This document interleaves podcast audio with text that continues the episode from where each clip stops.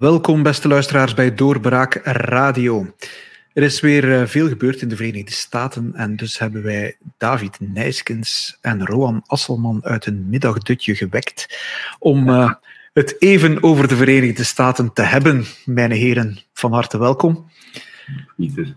Um, sinds wij elkaar gesproken hebben over de verkiezingen, heeft het uh, congres een nieuwe voorzitter, maar dat is uh, niet zo vlot verlopen. Dat hebben wij hier ook in de pers kunnen vernemen. Uh, David, het is een Kevin McCarthy geworden. Ja, Kevin McCarthy. Kevin McCarthy is een republikein uit Californië. Dus speaker is dan ook zo het, het hoogste ambt dat je kan ambiëren. Uh, kan natuurlijk ook president worden, maar ik denk dat dat voor McCarthy moeilijk wordt.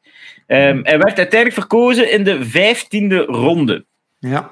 En hij had een meerderheid van 218 stemmen nodig. Hij heeft die uiteindelijk niet gehaald. Uh, maar hij is verkozen met 216 stemmen en dan zes republikeinse vertegenwoordigers die zich aanwezig gemeld hebben, of aanwezig gestemd hebben, waardoor hij dus wel de meerderheid, over meerderheid kon beschikken van aanwezige stemmen, waardoor hij dus verkozen werd. Een hele politieke. En, en nu lees ik overal, Roan, die Kevin McCarthy, die wordt uh, gegijzeld door de extreemrechtse republikeinen in zijn uh, republikeinse groep. Ja, er is, er is, een, er is een groep of een, of een factie binnen de, binnen de republikeinse meerderheid in het Amerikaanse Huis van Afgevaardigden. Uh, met de naam de Freedom Caucus. dat is een, een, een hoeveel zullen ze zijn? Een, dertigtal, David? ja, een dertig, veertigtal. Uh, ja. Veertigtal. Um, van ongeveer 218 dus. Um, die inderdaad uh, een, een sport van maken om de republikeinse leiding, die doorgaans iets gematigder is, het leven moeilijk te maken. Uh, nu, die hebben wel uh, een, allez, een indrukwekkende track record als het daarover gaat, want ze hebben Kevin McCarthy een aantal jaar geleden ook al eens uh, het voorzitterschap ontzegd. Uh, toen, dat zal net voor 2016 geweest zijn, toen, in 2015 dan, toen McCarthy um, speaker wou worden nadat John Boehner, dat was de toenmalige speaker, um, ontslag nam uit zijn functie, was hij ook de logische opvolger. en toen heeft de Freedom Caucus van nee, nee, nee, ho, ho, ho, dat gaat niet gebeuren Kevin McCarthy, dat is een, dat is een beetje een, eh, een, een, een, heeft een beetje een uh, ideologische schotelvot. Daar hebben we niks aan. Uh, die is niet conservatief genoeg. en toen hebben ze een soort van um, pragmatische compromiskandidaat in Paul Ryan gevonden. Okay. Um, dus ja, dus die Freedom Caucus, die, die heeft er wel iets, die kan dat best wel goed. en de belangrijkste overwinning die ze hebben gehaald, denk ik, in de onderhandelingen nu, is dat, uh, en dat is, ja, dat is een beetje interne procedure van, van, van de Kamer, maar goed, uh, dat, iedere, uh, dat iedere, ieder lid van het Huis van Afgevaardigden kan een stemming forceren over het ontslag van de speaker, van de voorzitter. terwijl dat vroeger niet het geval was. Dus dat betekent dat, ze eigenlijk, dat hij eigenlijk gegijzeld wordt, zou je kunnen zeggen, maar dat is een beetje overdreven, door ieder lid van de Freedom Caucus.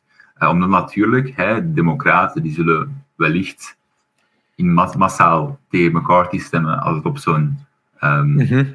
op zo'n stemming aankomt. En dan is er één of twee of drie Freedom Caucusers genoeg om hem meteen af te zetten als speaker. Dus kijk. Maar dan, dan is de vraag eigenlijk die ik mij stel, ja, die Freedom Caucus, waar, waar staan die dan precies voor?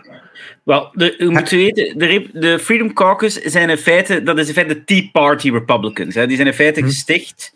Uh, dus nadat de Tea Party is binnengekomen, uh, hebben zich uh, die Tea Party verkozen. Die mensen die zich Tea Party, die zeiden wij zijn de Tea Party, die hebben dan de Freedom Caucus opgericht.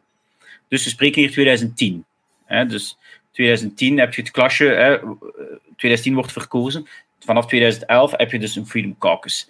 In uh, het Huis van Afgevaardigden. Het is eigenlijk een, een, een, groep binnen de Republikeinse Partij die zich organiseert. Het is een groep binnen de Republikeinse Partij, maar het is natuurlijk wel zo, je hebt allemaal van die caucussen. Hè. Uh, in de dingen, je hebt bijvoorbeeld ook de African American uh, caucus, dat is dan voornamelijk binnen de Democraten, maar soms is het ook wel zo al geweest dat er in die African American caucus um, dat er daar een republikein, hè, bijvoorbeeld J.C. Watts, een republikein uit Oklahoma, die vier termijnen in het Huis van Afgevaardigden gezeten heeft, jaren 90 en begin deze eeuw.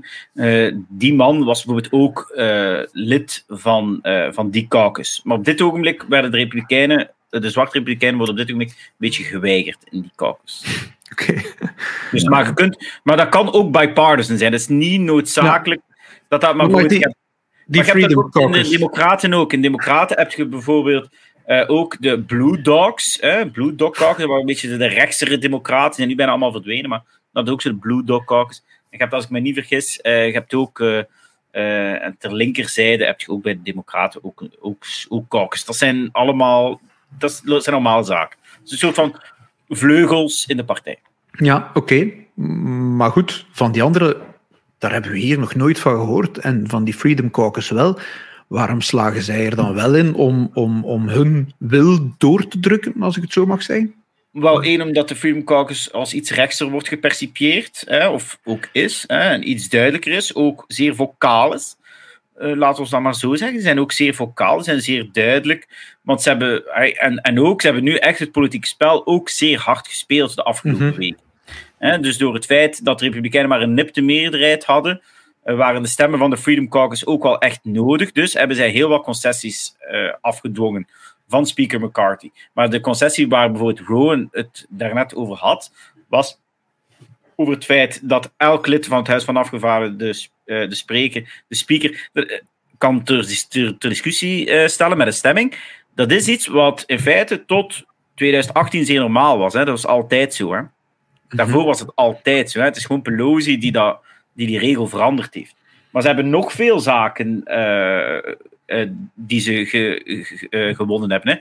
Hè. Ze hebben gezegd van kijk, um, het super PAC van McCarthy mag niet investeren in, in open races waar daar in veilige republikeinse gebieden. Hè, Wacht, dat, dat, dat, dat, dat moet je toch even uitleggen eigenlijk. Dus er zijn veilige, er zijn veilige gebieden hè, mm -hmm. waar dat de zetel voor de republikeinen zeker is. Ja. Hè, en daar als er een open race is, dus er is een een, iemand van het Huis van Afvaardigden zich niet herkiesbaar stelt. Dus een open race heeft de Freedom Caucus gezegd: uh, het geld van uh, Speaker McCarthy mag niet gebruikt worden in die race. Okay. Ja. Eh, want de Freedom Caucus wil daar dan mensen krijgen. die zij bijvoorbeeld, die, dan, die daardoor een handicap zouden kunnen krijgen, uitschakelen. Uh, okay. Andere zaken, ze hebben ook stemmingen afgedwongen. Hè. Er gaan stemmingen komen over balanced budget, een amendement op de grondwet, dat het budget in evenwicht moet zijn, dat er term limits gaan komen voor congresleden, dus congresleden niet meer eeuwig uh, herkiesbaar, maar bijvoorbeeld uh, vier termijnen of zo. over grensbeveiliging, geen grote, geen grote begrotingswetten waar tal van zaken in zitten. Uh, nee, uh, verschillende begrotingswetten. Specifiek, uh, specifiek, er zijn meer mensen van de Freedom Caucus die in comité's gaan zitten, waaronder ook het belangrijke House Oversight Committee. House Oversight is waar het overzicht op de regering ja. gaat gebeuren. Ehm, er komt een uitgavenlimiet. de limieten van 2022 moeten gehouden worden. Allemaal wetten minimum politiek. 72 uur. Inhoudelijke punten eigenlijk. Ja, ja, allemaal inhoudelijke punten. Dus, daar, dus bijvoorbeeld ook dat wetten 72 uur, minstens 72 uur moeten wachten tussen het moment dat ze worden uitgebracht en het moment dat ze moeten gestemd worden. Dat, is, dat zit er bijvoorbeeld ook in. Dat men ook nog amendementen op de vloer van het huis kan, uh, kan, kan invoeren. Dus dat zijn allemaal ook inhoudelijke en dat zijn allemaal zaken. Als we ons, in de, als we ons de pers gelezen hebben, was dat precies het einde van de wereld. Ja, hè? Dus wel, dat was mijn volgende vraag eigenlijk. Ja. Door de rechtse fractie. Dat zijn in feite allemaal relatief normale parlementaire spelregels die, die de Freedom Caucus heeft uh, afgedwongen van Speaker McCarthy. Dat is wat maar, maar, maar, maar, dan, dan stel ik mij toch nog altijd de vraag. Hier wordt wel gezegd, ja, McCarthy is nu de gijzelaar van die Freedom Caucus.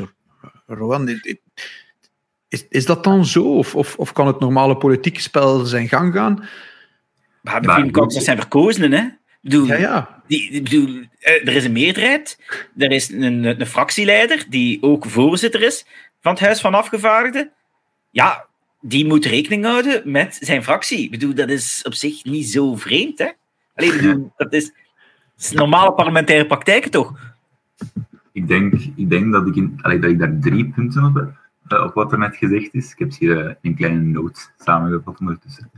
Uh, ten eerste, natuurlijk heel het, heel het gebeuren dat, dit, dat dit eigenlijk kon gebeuren, die, die vreemde dynamiek die zich nu heeft afgespeeld in het Huis van Afgevaardigden, is natuurlijk het gevolg van het feit dat de Republikeinen het inderdaad veel minder goed gedaan hebben um, tijdens de laatste verkiezingen in 2022 dan verwacht werd. Dat betekent dat moest McCarthy uh, 10 of 15 zetels extra op overschot hebben, dan kon hij die Freedom Caucus iets meer aan de kant schuiven. Hè, want dan waren er wellicht genoeg mensen die hem steunden, ondanks een aantal tegenstemmen binnen de Freedom Caucus. Nu, omdat hij maar wat was het, een drietal stemmen kon verliezen, uh, was de Freedom Caucus, die inderdaad berucht is omdat zij altijd als één blok stemt. De Freedom Caucus is zeer gedisciplineerd, uh, wat trouwens iets, um, iets vrij uniek is binnen de Republikeinse Partij. Um, konden die inderdaad uh, de benoeming van McCarthy heel eenvoudig blokkeren. Dus zoals David ook zegt, uh, dat is eigenlijk, ja, zo gek is dat niet. Hè? Um, natuurlijk, waarom wordt dat breed uitgesmeerd in de pers? Dat is inderdaad omdat de, de Freedom Caucus toch inderdaad de rechtervleugel uh, van de Republikeinse Partij uitmaakt. Ook de vleugel is die doorgaans het meest gealigneerd is met Donald Trump. En dan zijn we natuurlijk bij de grote boeman uh, van de westerse, uh, laten we zeggen, gevestigde media. Uh, en, en op die manier is dat natuurlijk een heel sappig verhaal om te brengen. Op 14 nieuws bijvoorbeeld. Um, maar misschien, misschien een extra punt daarbij. ik denk dat er twee uiteenlopende of twee categorieën zijn van zaken die de Freedom Caucus heeft afgedwongen. Je hebt ten eerste die interne procedures binnen het huis, en dat heeft eigenlijk relatief, laten we eerlijk zijn, dat heeft inhoudelijk weinig impact op het dagelijks leven van de Amerikanen. Dat is een beetje democratische hygiëne die wordt hersteld, hè, zoals David zegt, die, die 72 uur bijvoorbeeld. Um, geen overdreven grote begrotingswetten, hè, want in de Verenigde Staten is er een heel slechte praktijk gegroeid, een heel slechte begrotingspraktijk, dat um, het leiderschap, dus laten we zeggen de, de, de, majority leaders, de minority leaders, de belangrijkste personen met een vijf, zestal en dan ook soms toegevoegd of, of vergezeld door de president, omdat hij ook zijn, zijn goedkeuring moet geven, dat die samenkomen in, in een, een kamertje, daar de, uh, de begroting voor het jaar uh, samen uh, voegen, uiteenzetten. En dat dat dan 24 uur op voorhand droppen op de bureaus van de eigenlijke volksvertegenwoordigers. Nu, dat zijn wetten van duizenden pagina's lang. Dus die zijn een soort programmawet bij ons. Ja, die wordt niet gelezen. Die worden niet gelezen. En toch mhm. worden die gestemd, omdat, er, omdat het leiderschap zegt van ja, ja, het is goed, het is in orde, we hebben erover gesproken. En zo'n zaken, inderdaad, democratisch, hygiënisch, wellicht goed dat zo'n zaken worden aangepakt. Nu, de tweede categorie, dat zijn de eigenlijke wetten. Um, zoals uh, die term limits, uh, zoals uh, dingen die met de, de, grensbewaking te maken hebben, dat soort zaken. Um, Oké, okay, de Freedom Caucus heeft er inderdaad gezegd van ja, kijk, we gaan een paar stemmingen afdwingen in het Huis van Afgevaardigden. Allemaal leuk en wel. Uh, maar natuurlijk, een van de redenen waarom dat Kevin McCarthy zegt van ja, kijk, oké, dat zijn misschien wetten die, die, wat, wat, die wat snel geïntroduceerd zijn, die misschien niet helemaal juridisch steek houden, is omdat er ook nog zoiets is als de Senaat. Uh, en in de Verenigde Staten moet iedere wet bicameraal gestemd worden, dus beide kamers moeten hun instemming verlenen. En daar zijn de democraten de baas. Dus Kevin McCarthy zegt van ja goed, ik wil ik eender welke wet voor jullie laten stemmen. We kunnen die zelfs aannemen in het huis. Die gaat toch nergens heen in de Senaat. Uh, dus natuurlijk, en dat, als je de Twitter-account van Kevin McCarthy volgt, dat is ook best wel grappig, want die man is nu uh, de, de, de, de, de herboren oerconservatief, omdat hij kijk, kijk wat conservatieve wetgeving wij aannemen in het Huis van Afgevaardigden met mij als speaker. Ja, oké, maar hij weet natuurlijk ook dat hij nooit, die wetgeving nooit zal aangenomen worden, want er is nog steeds de Senaat. Dus die twee categorieën zijn er. Die interne procedure is prima, denk ik. Uh, maar die wetgeving ja, die gaat natuurlijk nergens naartoe. Dat is meer symboolpolitiek. Dat is om een, een message te sturen naar de eigen, de eigen republikeinse basis, denk ik. Oh, hoe zit het dan in de Amerikaanse politiek met een, uh, met een meerderheid uh, voor de Republikeinen in het congres, een meerderheid voor de Democraten in de Senaat? Zit je dan echt met een totale blokkering? Maar ik denk dat je daar, en dat is misschien leuk om terug te koppelen naar heel dat caucus gebeuren. Er zijn ook wel leden binnen zowel het Huis van Afgevaardigden en de Senaat, die wel zich kunnen vinden in bipartisan compromise, hè, die die soort van mhm. compromiswetgeving gaan opstellen. Uh, daar twee kanttekeningen daarbij. Uh, ten eerste, dat gaat zelden gaan over zeer controversiële zaken.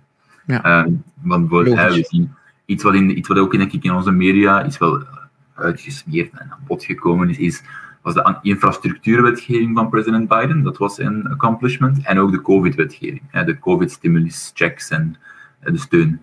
Ja, en dan zegt men, ja, president Biden heeft daar toch wel een, compromis, een, een bipartisan. Hij heeft beide partijen overtuigd om hun goedkeuring daaraan te verlenen. Ja, dat is natuurlijk zo, maar dat zijn ook relatief onomstreden kwesties. En dat zijn geen echte fundamentele zaken. Ik bedoel, infrastructuur, dat is zoiets waar iedereen zich wel, eh, ja, we moeten ons mhm. bewegen, eh, verstellen. Ja, oké, dat is... Nu, er zat wel van alles anders in, in die wet, maar goed, dat even aan de kant geschoven. En ja, COVID-wetgeving inderdaad, op het hoogtepunt van de, van de crisis, was inderdaad, was er geen, waren er weinig republikeinen die gingen zeggen van, uh, ja, zeg, uh, succes, hè, maar van ons moet je niks verwachten. Dus wel, het is natuurlijk wel begrijpelijk dat daar bipartisan compromise is. Um, maar voor echte kwesties, echte fundamentele kwesties, zoals bijvoorbeeld immigratie, ik zeg zo maar iets, daar zijn democraten en republikeinen echt wel uh, zijn die allebei in hun loopgraven gekropen en hebben echt wel stellingen genomen. En daar bipartisan compromise vinden, zeer moeilijk.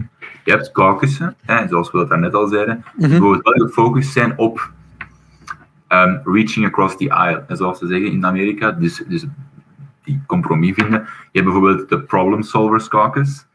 Die werden nogal eens stiefmoederlijk behandeld in vorige congressen, maar um, die hebben wel een hernieuwd belang gevonden. Ja, Politico had er onlangs nog een lang artikel over geschreven. Uh, dat, zijn, dat is een caucus, een, een groepje binnen het congres. Uh, maar die bestaan ongeveer gelijk, die staan exact evenveel republikeinen als democraten. Dat zijn doorgaans gematigde republikeinen, gematigde democraten. Maar dus die hebben nu plotseling heel veel, even, heel veel overwicht. Want dat zijn doorgaans leden van de ene partij of de andere partij die het gemakkelijkste overtuigen om er van compromis te maken. En gelet op het feit dat er maar een zeer kleine meerderheid is voor de Republikeinen en dus ook een zeer kleine minderheid is voor de Democraten, kunnen die wel een meerderheid links of een meerderheid rechts bezorgen. Dus, mhm. Maar opnieuw, dat zal waarschijnlijk niet het geval zijn voor echt, echt omstreden zaken, zoals bijvoorbeeld immigratie.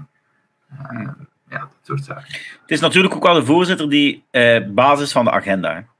Ja. Dus de voorzitter bepaalt wat er mhm. wordt gestemd of niet gestemd. Hè. Dus dat is altijd wel belangrijk te vermelden. Mijn heren, ik vroeg me af ehm, welke geheime documenten jullie zo allemaal in de kelder of op het bureau bewaren. Maar ik heb even gekeken en uh, ik, ik, was gisteren hier een beetje aan het opruimen. En uh, toch wel niet zeker enkele nucleaire geheimen die, uh, die tussen mijn, in mijn paparazzen verzeild waren. Dus ja, nee, nee. Ik, ik ook. Wie niet tegenwoordig. Hè? Wie niet tegenwoordig, ja. En, en, en bij jou, David? Wel, ja, ik heb uh, naast mijn wagen had ik uh, nog een doos staan. En uh, daar, daar, zaten wel, daar zat wel het een en het ander in, denk ik. Ja. Maar ik heb mijn advocaten, ik heb eens mijn advocaten naar laten kijken. Ah, dat is goed, ja. En die gaan het nu overdragen naar het archief. Ja, alle gekheid op een stokje, we hebben het hier over, over Biden natuurlijk. Um, ja, voor een, een niet zware volger van de Verenigde Staten als ik lijkt het alsof er elke maand wel ergens een document gevonden wordt dat Biden eigenlijk niet hoorde te hebben. Wel, exact. Dus er zijn bij Biden op verschillende plekken geclassificeerde documenten gevonden. Maar wat, wat moeten we ons daaronder voorstellen? Onder die, want want dat, dat, dat is niet helemaal duidelijk. Ja, maar we weten, we weten het niet. Misschien, ik denk ook niet naar Roland. We weten, we weten niet inhoudelijk wat erin staat. Want het zijn natuurlijk geclassificeerde documenten. Maar dat kan over van alles gaan. Mhm. Dat kan over van alles gaan. Uh, maar we weten dat niet. Maar het gaat over geclassificeerde documenten. Uh, die, die, dus, dus geheim moeten blijven. Die dus geheim moeten blijven. Oké. Dus, uh, maar bij Biden, het is in feite allemaal begonnen in het Biden Center op de University of Pennsylvania. Mm -hmm. dus um, UPenn in, als, als je aan de specialisten vraagt, University of Pennsylvania dus. Um, en daar heeft men documenten aangetroffen. En vreemd genoeg heeft men die al aangetroffen net voor de midterms, begin november. Maar op de een of andere manier is dat maar bekend geworden ergens in januari. Het is toch niet waar. Ehm, maar het punt is, daarna zijn er nog geclassificeerde documenten gevonden. Er zijn nog geclassificeerde uh, documenten gevonden uh, in zijn garage. Hè, bijvoorbeeld zijn er uh, geclassificeerde documenten gevonden naast zijn Corvette. Um, en, een, ro een, rode toch? Ik denk een groene. Denk een ah. donkergroene. Ja. maar het ding is dat het probleem is dat voor Biden is dat het, die documenten dateren niet enkel vanuit zijn tijd als vicepresident, maar ook al vanuit zijn tijd als senator. Mm -hmm. dus, maar het probleem is, en het probleem, en het is je kunt zeggen wat je wilt, maar het is vooral een optisch probleem natuurlijk voor Biden. Omdat Biden zich zo sterk gemaakt dat ja, uh, wat Trump gedaan heeft, kan niet. Uh, je moet daar zorgvuldig mee omgaan. Ja, nu blijkt dat de president zelf nogal slordig is geweest met geclassificeerde documenten. Nu goed, er zijn enkele verschillen met Trump. Ja, want voor alle duidelijkheid, bij Trump zijn er ook dergelijke documenten gevonden. Ja, ja, ja. En, en, en, en, en, veel meer. en meer. Maar ja, goed. Er zijn wel grote, uh, grote verschillen. Het eerste is, een president kan declassificeren en de vicepresident kan niet declassificeren. En de senator kan ook niet declassificeren. Dus dat is één. Dus in het Amerikaanse systeem is de president al is in feite oppermachtig en kan in feite min of meer doen wat hij wil. Dus, maar, zoals ik al in vorige podcast gezegd heb, het grootste probleem met Trump was niet dat de documenten geheim waren. Het probleem was dat hij ze in zijn bezit had. Dat was het echte probleem. Want hij mocht ze niet in zijn bezit hebben. Ik ben zeer blij dat ik enkele maanden geleden al zeer streng was voor de vorige president. Daarmee kan ik zeker ook nu onverdacht zeer streng zijn voor de huidige president. Dus uh, dat is het grote punt. Dus hij is, en bij Trump is ook het probleem. En daar ga ik op het einde, maar ik zal eerst Rowan nog even, maar op het einde ga ik nog eventjes een link maken met wat we daarnet gezegd hebben over het Huis van Afgevaardigden. Het ding is natuurlijk wel zo dat in Trump zijn geval de federale overheid was naar op zoek naar die documenten. En bij Biden zijn die aangetroffen.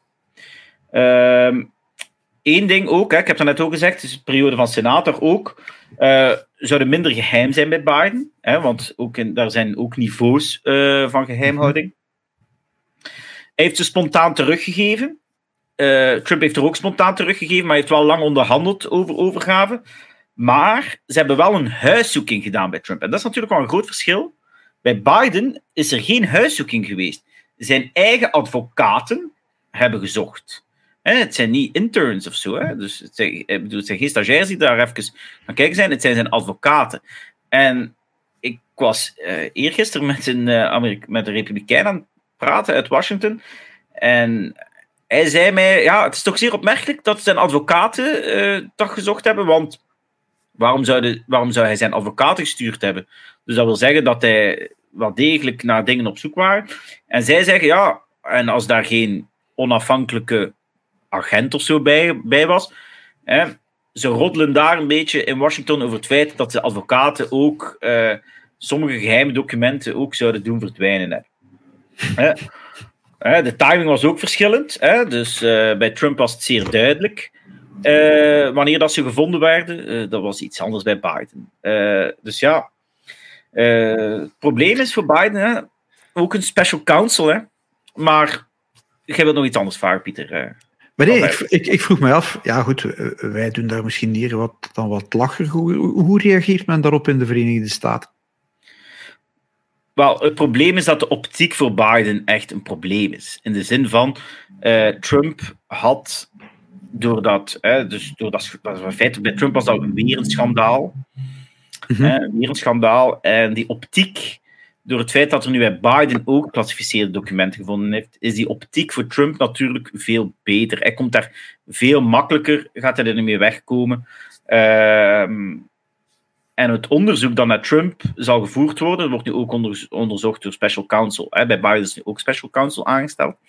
Dus een speciale onderzoeker. Dus met andere woorden, maar er zal altijd door de publieke opinie en de politici die daar natuurlijk, en al de pundits en zo, zal er natuurlijk altijd meer naar equivalentie eh, gezocht worden.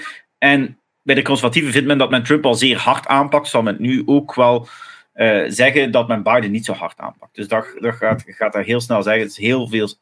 Het, bottom line is zeer slecht nieuws voor de president. Ik denk in de mate dat dat een impact heeft op de publieke opinie van Biden is.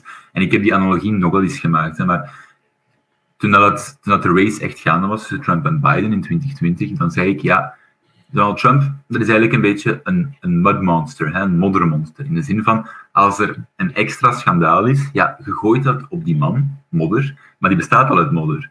Dus dat gaat niet veel impact hebben op de publieke opinie over hem, want het is gewoon meer modder. Modder is modder. Biden natuurlijk, die, die presenteerde en presenteert zichzelf nog altijd als um, de onbevlekte ontvangenis, hè, als, als, als moeder Maria. Uh, die man uh, neemt geclassificeerde documenten bijzonder serieus. Uh, het zorgt voor een zekere ethische, ethische minimumgrens die moet behaald worden. Hij zal er ook gemakkelijk overstappen. Die neemt dat allemaal zeer serieus. En dan, nog geen tien minuten later, wordt er, worden er geheime documenten um, gevonden van zijn tijd als vicepresident en zijn tijd als senator. Dus ja, bij Trump, denk ik, was de algemene reactie van zoiets van, ja, natuurlijk heeft hij dat uiteraard heeft die man geheime documenten meegenomen naar Mar-a-Lago.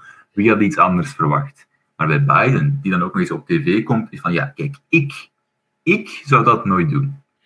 En dan een week later, twee weken later, niet één keer, twee keer, drie keer, hè, want dat is ook nog het, een extra probleem. Dat is, het is ook het, uh, het fameuze drip, drip, drip gebeuren in de politiek. Uh, want een van de gouden regels in de Amerikaanse politiek, maar ik denk de politiek in het algemeen is, als er een schandaal is, moet je zelf narratief bepalen en moet je zorgen dat alles in één keer buiten is. Zodat de mensen aan, eh, want korttermijngeheugen is eh, niet fameus, lange termijn nog minder, um, dat dat over een week vergeten is. Maar het probleem bij Biden is dat er zo elke week, alle, elke drie, vier dagen, weer een nieuwe headline is in de gazetten, uh, in de media, over, kijk, nieuwe documenten gevonden, nieuwe documenten gevonden. En het straffen is, natuurlijk, zijn er nog altijd veel minder dan bij Trump gevonden zijn. Hè. Dat zijn vijf of zes pagina's. Maar de meeste mensen, laten we eerlijk zijn, lezen de artikels niet, hè? lezen de headlines van artikels. Um, dus zij denken van, ah, je weer. En ja, ja. gevonden, koffers gevonden bij Biden. Uh, en natuurlijk in dit geval is. Ten tweede, en dat wil ik toch nog wel even aanstippen. Um, ik heb eigenlijk nog twee punten, maar ten tweede, ja, heel het idee van aangetroffen. Um, ik heb daar een beetje mijn vragen bij, bij dat concept van aangetroffen. Want ik weet niet hoe dat werkt bij jullie als jullie ehm, documenten vinden die jullie al jaren niet meer gezien hebben, maar meestal tref je die niet aan. Meestal ga je daar naar op zoek. Uh, want als je ze aan zou kunnen treffen, had je waarschijnlijk al veel eerder aangetroffen.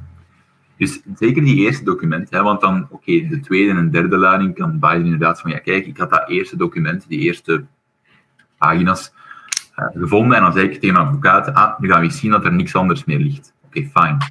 Maar dat eerste, die eerste set van documenten, gaat mij niet wijsmaken dat Biden tegen zijn advocaat heeft gezegd uit het niks van hey jongens, ga toch maar eens kijken dat ik geen geheime documenten heb hier. Er is daar best wel wat gespeculeerd dat dat een poging is om Biden langzaam maar zeker naar de uitgang te begeleiden. Ehm, niet door de Republikeinen, door zijn eigen partij.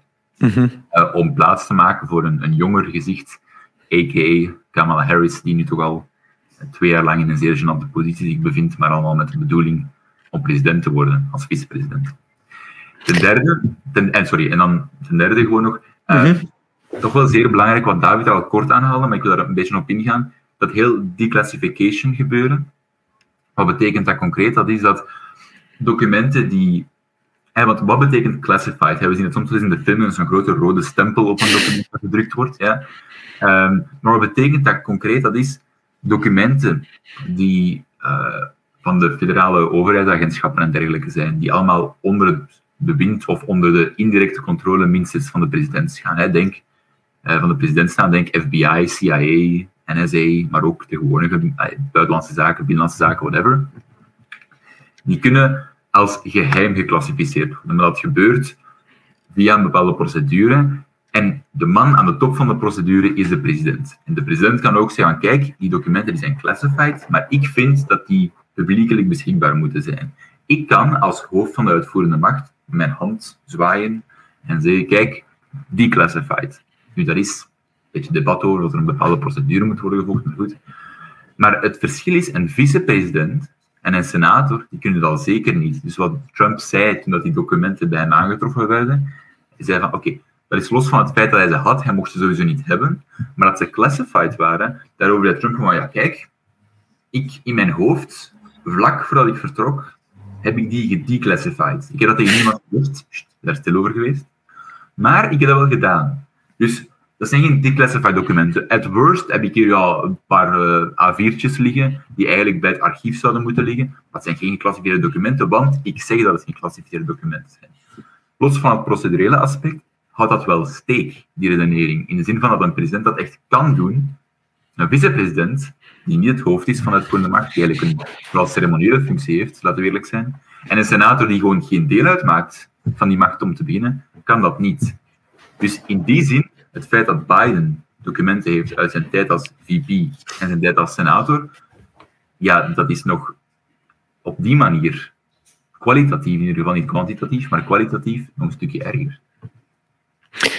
Je hebt er eigenlijk al een, een, een beetje een, een antwoord op gegeven, maar wat doet dat nu met um, ja, met het beeld van de president in de, in de publieke opinie. Opiniepeilingen. En dan kijk ik naar David. Jij hebt altijd een, een paar cijfers bij de hand. Uh. Ja, ik heb ze liggen. Ik wil nog één ding zeggen hè, over dat Biden Center. Ik wil nog even over dat Biden Center uh, in Pennsylvania. Um, Trump heeft een claim gemaakt hè, over dat Biden Center in Pennsylvania. Um, en dat zit ook uh, over het feit dat dat dus gefinancierd zou worden door de Chinezen. En okay. uh, dus Trump, beweert, uh, Trump beweert dat de Chinezen dat Biden Center ja. financieren. Ja. ja. en dus dat dat allemaal zou samenhangen met activiteiten van Hunter Biden en dergelijke meer. Um, ik moet zeggen, ja, daar is op zich geen, nog geen hard bewijs uh, van. Het enigste is natuurlijk dat er wel een factcheck gebeurd is door Newsweek. En die wel gezegd heeft van ja, kijk, uh, het is wel zo dat, dat, dat de Universiteit van Pennsylvania, sinds dat dat Biden Center geopend is, daarvoor hadden ze 21 miljoen gekregen. Uh, wacht, hadden ze 24 miljoen uh, gekregen. En uh, van 2014 tot februari 2017. Februari 2017 gaat dat Biden Center open. Hè? En dan krijgen ze tot mei 2020 77 miljoen. Dus in dezelfde periode krijgen ze 53 miljoen meer uit China, Hongkong en Taiwan. Hè? Dus um, het probleem is voor Biden en dat is wat ik hoor, hè, wat, wat, ik hoor ook uit Washington, dat is van kijk, hè, net zoals Rohan uh, daarnet al zei, van zijn machinaties vanuit de Democratische Partij. Biden gaat hier echt in de, zou hier wel een keer echt in de problemen kunnen komen, ook omwille van die special counsel. Mm hè, dat allemaal uh, onderzoeken gaat doen. Hè. Men heeft ook, vergeet niet, ja, men heeft altijd gezegd, ja, dus bij Trump was dat, uh, was die geclassificeerde informatie niet veilig ondergebracht ja, ik denk dat Trump altijd zal kunnen beweren van kijk, ja, sorry, maar Mar-a-Lago wordt beveiligd door de geheime dienst. Want als voormalig president heb je daar recht op. Bij Biden zijn er documenten gevonden in een huis waar Hunter Biden uh, uh, verklaarde van daar te wonen. En zelf mhm. huur te betalen. En die huur is zelf nooit aangegeven geweest. Dus ik kan maar zeggen, er gaan er kleine machinaties komen. En om nog even de link te leggen naar het vorige stuk, wat de Freedom Caucus heeft verwezenlijkt in die onderhandelingen mhm. met Trump, is dat, uh, met uh, McCarthy, is dat er een onderzoekscomité komt naar de weaponization, dus de manier waarop dat de federale overheid uh, dus geweaponized, uh, zich, dus, dus dat democraten de federale overheid misbruikt hebben om hun politieke tegenstanders aan te vallen. De Republikeinen en president Trump in het bijzonder. Dus daar komt daar ook nog eens bij. Zijn dus, dus, dus de Republikeinen gaan, zijn ook massaal bezig met onderzoeken, gaan massaal bezig met onderzoeken doen, uh, zich bezighouden met onderzoek doen naar de, naar de Biden-regering, naar dat die Biden-regering reageert, acteert, hoe dat, dat uh, justitieel apparaat wordt gebruikt tegen republikeinen. Dus er zal heel veel druk zijn, ook mhm. op de minister van Justitie, om uh, op die onderzoeken naar Trump en zeker dat onderzoek naar Biden, om daar zeer onafhankelijk. Dus, en zijn special counsel die kan min of meer alles doen wat hij wil. Hè. als, ik kan alles onderzoeken. Hè. Dus herinner u, Bill Clinton. Bill Clinton uh, begon met een vastgoed Whitewater, een vastgoedzwendel. Daar hebben ze dan niks gevonden, maar ondertussen had hij daar wel een relatie, een seksuele relatie met een uh, stagiaire, stagiaire waar hij dan onder ede verklaart, ja, ik heb daar geen seksuele relatie mee gehad. Daar komt, daar komt daar allemaal dan zaken over uit. Hm. Dus dat zou voor hem echt hoofdpijn kunnen zijn. En dan de machinaties, zoals, dat, uh, zoals Roland er net al zei, de machinaties. Ik hoor vanuit democra uh, ik hoor uh, links en rechts andere machinaties, dat de machinaties eerder voor Michelle Obama zouden zijn in 2024. Want we mogen niet vergeten, Biden stond sterk, hè? Dat komt mhm. allemaal ongelegen voor zijn herverkiezingen. Die midterms die waren oké, niet zwaar verloren. Ja, in het huis, ja, nipt de meerderheid kwijt. Uh, kan gebeuren, maar veel beter gedaan uh, dan uh, gedacht. Ze gingen ook, of ze zijn ook volop bezig bij de Democraten, dat is om die kalender van de, van de voorverkiezingen om die te veranderen. herinner u, de vorige keer in 2020 was het zo dat Biden verliest in Iowa en verliest in New Hampshire. Mm In die twee eerste voorverkiezingen. En dan wordt hij gered door Jim Clyburn uit South Carolina. Jim Clyburn is uh, Afro-Amerikaan. En die de, want in, in South Carolina is een zeer groot reservoir tussen haakjes aan zwarte stemmen. Dus, en Jim Clyburn heeft gezegd: jullie moeten allemaal op Joe Biden stemmen. En dat is ook effectief gebeurd. En Joe Biden heeft, heeft daardoor die nominatie binnengehaald. Hè. In die gehele presidentsverkiezing 2020 voor de Democraten is Jim Clyburn de belangrijkste figuur. dus, maar men wou South Carolina als eerste zetten. Zelf mochten er andere mensen op ideeën komen om Biden te gaan bedreigen, zo omwille van het feit dat South Carolina eerst komt, Biden zodanig zwaar winnen dat er geen momentum zou kunnen komen voor tegenkandidaten. Ja. En Biden zou nu in feite moeten gaan, deze periode, nu de komende weken en maanden, moeten gaan duidelijkheid scheppen over het feit, zal ik kandidaat zijn in 2024 of niet. Mhm. Het komt allemaal zeer ongelegen voor hem. En het is effectief, zoals Johan zegt, er wordt in Washington heel veel gefluisterd over het feit dat het de feiten voornamelijk democratische afrekeningen zijn. Om de president naar het einde te bewegen. Ja, dan zijn we eigenlijk al, we zijn net begonnen aan 2023, het is nog januari, maar dan zijn we wel aan het denken aan volgend jaar, die. Ik zeg altijd dat er nooit geen verkiezingen zijn in de Verenigde Staten. Er is altijd een verkiezingscyclus gaande, veel meer dan hier omdat daar ook echt elke twee jaar verkiezingen zijn. Uh, mm Maar elke keer dat een president verkozen wordt, de volgende vier jaar staan eigenlijk in het teken van gemanoeuvreerd door uitdagers, nieuwe presidentskandidaten. Maar, maar zijn er dan, oké, de naam Michelle Obama valt dan, maar normaal gezien wordt een, een zittende president niet echt zwaar uitgedaagd binnen zijn eigen partij in de voorverkiezingen? Normaal gezien niet, nee. Uh, ik ben even aan het denken, de laatste keer was wellicht uh, George Bush in 1992. En die man heeft dan uiteindelijk ook wel uh, verloren. Uh, dus dat is geen, geen detail. Niet, tegen, niet tegen zijn tegenkandidaat in de voorverkiezingen, wel tegen Bill Clinton toen. Maar hij was tamelijk veel schade berokkend aan zijn kandidatuur door die serieuze uitdaging intern. Ja. maar in, in, principe inderdaad. en, nee, en liever Sorry. Trump had, een, Trump had een tegenkandidaat in 2020, maar goed, dat was, heel, dat was uh, ja, verwaarloosbaar. Nominaal. Uh, maar goed, er is altijd een tegenkandidaat. De vraag is, is het ook een, een, een, een tegenkandidaat die, die kans maakt? Of die gestuurd wordt? Een serieuze tegenkandidaat hebben gehad was in het jaar 1980. Hè, toen uh, Jimmy Carter ehm, president was en er een zeer zware vanuit de Kennedy-klan, waar toen Ted Kennedy...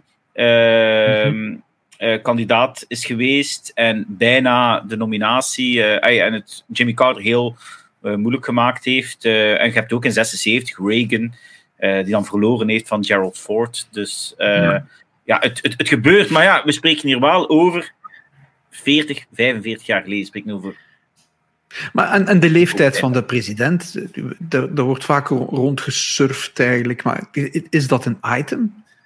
Wij surfen er niet rond. Hè. Wij surfen er niet rond. Hè. Wij zeggen gewoon wat het probleem is. Uh, Die man is veel te oud om zo'n belangrijke functie uh, in te nemen. Ik weet, ik, ik, heb, ik heb de zegen van de jeugd nog, dus voor mij is het misschien gemakkelijker om, daar, om zo'n claims te maken, maar het is echt, het is echt het gaat, het gaat er echt ver over. Die man is, hoe, oud zal hij zijn? Ah, hij zou denk ik 84 zijn als zijn tweede termijn er zou opzitten. 80 als hij verkozen wordt. Uh, hij is nu 80, hè? Nee, nee, hij is nu 80, hè?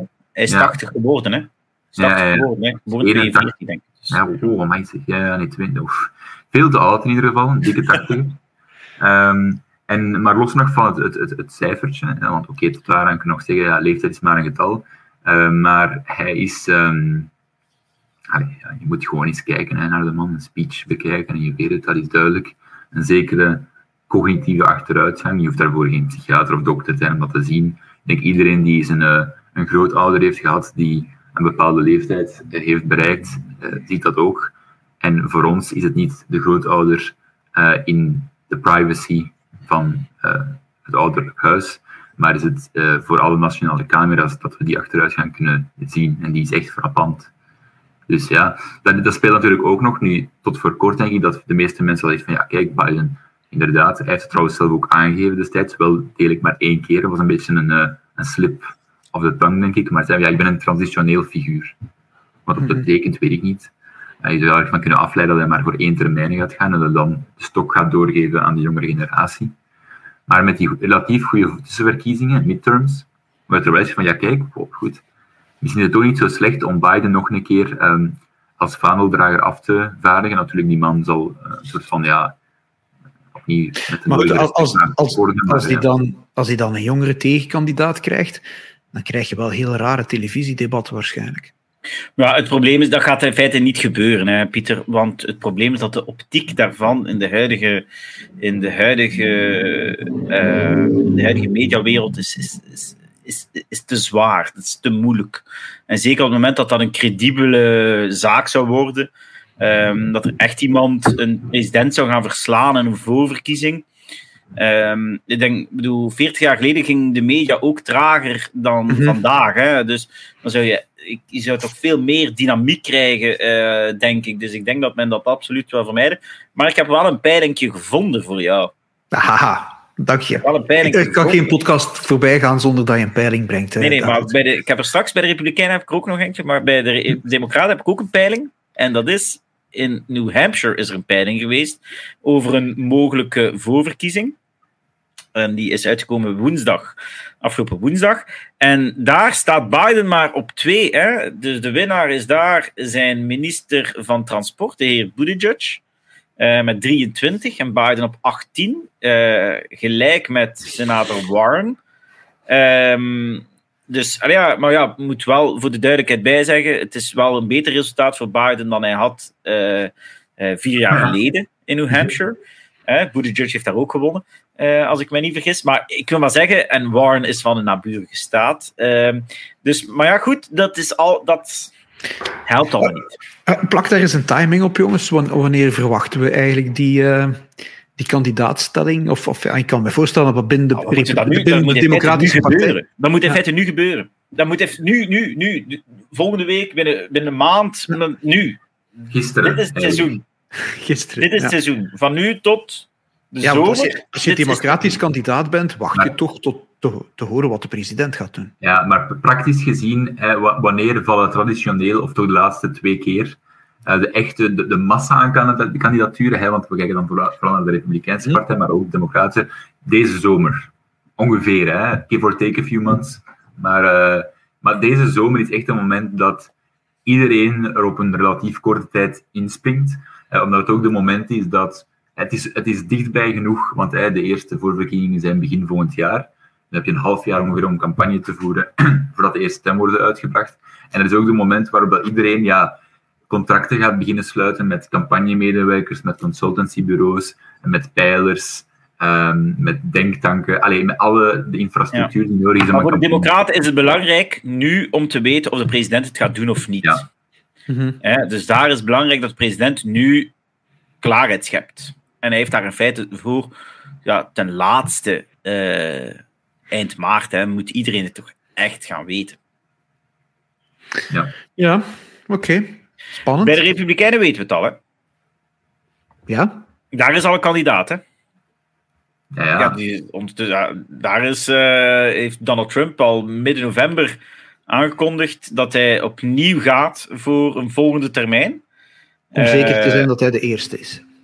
Ja, om zeker te zijn, om het veld ook te bezetten. Mhm. Hè? Dus ehm, hij komt ook terug eh, op Facebook. Eh, waarschijnlijk zal hij ook wel terugkomen op Twitter. Ehm, ja, Trump is eh, opnieuw kandidaat. En de vraag is, wie zal het tegen hem opnemen? We hebben peilingen. Hè? Dus ook daar hebben we iets meer peiling bij de Republikeinen. Dus wat ik daar zie in de peilingen is dat Trump aan de leiding gaat. Ik moet wel zeggen, en dus als er over het algemeen heeft hij de helft van de Republikeinen op zak. Ik moet zeggen, er is één peiling ge- uitgekomen deze week. Excuseer mij, die is op donderdag uitgekomen. Ook New Hampshire, waar DeSantis eh voor ligt. Op Trump. Dus de eerste eh, waar DeSantis voor ligt op Trump. Maar voor de rest, in al de andere eh, wint Trump veruit vingers in de neus. Dus ehm, eh, de vraag is wie dan de uiteindelijk genomineerde eh, zal zijn bij de Republikeinen. Ik heb daar zelf Ja. twee, theo ik heb daar zelf Ja, twee zeg maar. theorieën over. eh, die ik links en rechts aan het toetsen ben. En ik moet zeggen, elke keer als ik die toets bij sommige mensen, zeggen ze van... Ah, want ieder- iedereen zegt, ja, Trump gaat het toch niet zijn. Ik zeg, ja, ik ga mijn hand daarvoor niet in het vuur steken. Ik denk, kijk, de genomineerde kan Trump zijn. Eh, en als het DeSantis zijn, kan het enkel DeSantis, maar of het nu DeSantis of iemand anders zijn, kan het enkel de persoon zijn waaraan Trump zijn zegen geeft. Want Trump heeft die-hard supporters. Er zijn mensen die enkel voor Donald Trump gaan stemmen. En eh, komt daar nog bij dat zowel Trump als zijn kiezers ook, als zijn kiezers, tegenstand tegen Trump niet gaan vergeven. Die gaan dat niet vergeven. Er zijn op dit ogenblik al te veel Amerikanen die in hun garage een vlag met Trump 2024 eh, hebben hangen. Dus wat dan zou kunnen, is dat ehm, op dat ogenblik Trump wint dat dat VP-slot, wie, dat er wie zijn vicepresidentskandidaat, wordt op dat ogenblik heel belangrijk. Want in 2028 kan deze persoon dan makkelijk de nominatie krijgen. Eh, als Trump verliest, is deze persoon zeer loyaal geweest, want Trump vertrouwt hem om hem op te volgen. Eh, maar nog veel meer als Trump wint. Want als Trump wint, dan is het sowieso de laatste keer. Ehm, hij is dan vicepresident, kan zeggen van ja, ik ga het beleid van Trump voortzetten. Eh, en hij is ook maar one heartbeat away. We hebben het daarnet gehad over de ouderdom eh, van Biden. Maar Trump is ook 80, hij ziet er vitaler uit. Maar ja, goed, zien dat je vitaal bent, eh, dat je ook als tachtiger, hè, Mhm. statistieken gaan zwaar achteruit. Hè. Dus, en plus Trump ja, heeft natuurlijk wel die, die, eh, die, eh, al die onderzoeken tegen hem. Daar kan misschien ook wel echt iets uitkomen. Dus toch niet uit, is toch niet uit te sluiten. Scenario 2 is: Trump is kandidaat en er zijn veel andere kandidaten. En op de een of andere manier ehm, wordt Trump aangevallen en ontstaat de nood aan een consensusfiguur ontstaat de nood aan een consensusfiguur. Iemand waar Trump zich eh, kan achterscharen. En ik zeg u, die persoon zal niet uit de mensen zijn die kandidaat zijn. Dus dat moet dan iemand anders worden. Dus mocht ik ehm de Santis zijn, hè, dan zou ik eh, zeggen van, kijk, ehm, beste vriend, ik zal geen kandidaat zijn. Ik blijf nog in Florida. Ik kijk naar 2028. Eh, en Trump bellen van ik ben geïnteresseerd om uw vi- eh, vicepresidentskandidaat te zijn. En ik zal op. Maar die consensuskandidaat zou dan ook naar Trump moeten gaan en zeggen: maar kijk, de eerste dag dat ik president word, geef ik u een pardon. Hè? Dus dan scheld ik u alle onderzoeken naar u en dergelijke meer vrij. Ehm, op dat ogenblik. En Trump heeft dan geen last meer van eh, onderzoek en kan hij dan schoonmoeder spelen. Dat zijn volgens mij de twee scenario's die zich eh, die zich kunnen uit. die kunnen uitvoeren. Want het, het probleem is, Trump zal zelf niet weggaan. en dat is voor de Republikeinen, is het ofwel met Trump, maar als het zonder Trump is, zal het zeer lastig zijn. Dus Trump wordt president zelf of op een andere manier. Zo ergens iets. Ja, hij wordt een kandidaat voor de Republikeinen. Ja, maar goed. Oké, mijn heren. Daarmee hebben we toch weer een, uh, de Amerikaanse politiek. Uh... Er is nog één ding waar we het e heel even over moeten hebben. Sorry, Pieter. Ja, zeg maar. maar. Uh, Roan gaat een boek schrijven. Nee, Roan is een boek aan het schrijven. Of Roan is een boek aan het schrijven. Maar um, ik ga daar niks over zeggen, want ik weet, ik weet nu nog maar net wat het thema is. Maar ik moet wel zeggen, uh, ik hoop dat hij daar zeker uh, iets over Pat Buchanan zal inzetten. Pat Buchanan, adviseur, presidentieel adviseur geweest van zowel Nixon als Reagan. Um, ook presidentskandidaat voor de Republikeinse nominatie en ook de nominatie van de Reform Party. Dat is de partij van Ross Perot, die in de jaren 90 um, Republikeinen het presidentschap kosten. Hè, want die Ross Perot haalde altijd veel stemmen. Hè, want iedereen is ondertussen al vergeten dat Bill Clinton nooit een meerderheid van stemmen heeft gehaald. Omwille van die Reform Party. Um, de Culture War speech van, uh, van uh, Pat Buchanan is in feite de eerste keer dat hij echt gezegd heeft: ja, kijk, er is een cultuuroorlog gaande in de Verenigde Staten. was 1992 op de Republikeinse Conventie. is toch een heel belangrijk figuur, die Pat Buchanan. Um, hij stopt met zijn column, hij gaat met pensioen. Hij gaat zijn memoires nog, af, uh, nog afmaken. En ik moet zelf zeggen, uh, ik vind het zelf uh, zeer jammer dat hij zijn columns zal stoppen. In National Review schreef hij nog. Um, zijn columns waren altijd zeer interessant, veel goede achtergrondinformatie. Um, zullen hem missen. Als, voor mensen die geïnteresseerd zijn om te zien hoe de carrière van Pat Buchanan in feite ten einde komt, dan bedoel ik de politieke carrière, of zijn carrière als politicus. Eh, voor die mensen raad ik op Netflix de documentaire aan Get Me Roger Stone, over Roger Stone, maar daar komt ook het uh, verhaal van Pat Buchanan heel kort in voor. En vooral het einde van zijn politieke carrière. En nu krijgen onze luisteraars zelfs nog kijktips bij. Goed, mijn heren. We laten de Verenigde Staten even rusten tot we ze weer kunnen uh, analyseren. Ik dank jullie hartelijk voor jullie analyses. Meer kan u natuurlijk, beste luisteraar, vinden op uh, doorbraak.be. Ik zou zeggen, volg ons. Nog beter is, neem een abonnement. Volg ons ook op de podcast op alle mogelijke platformen. En we horen u graag terug een volgende keer. Dag. Dit was een episode van Doorbraak Radio de podcast van doorbraak.be. Volg onze podcast op doorbraak.be/slash radio of via Apple Podcasts, Overcast of Spotify. Bezoek ook onze website op doorbraak.be en steun ons door een vriend te worden van Doorbraak.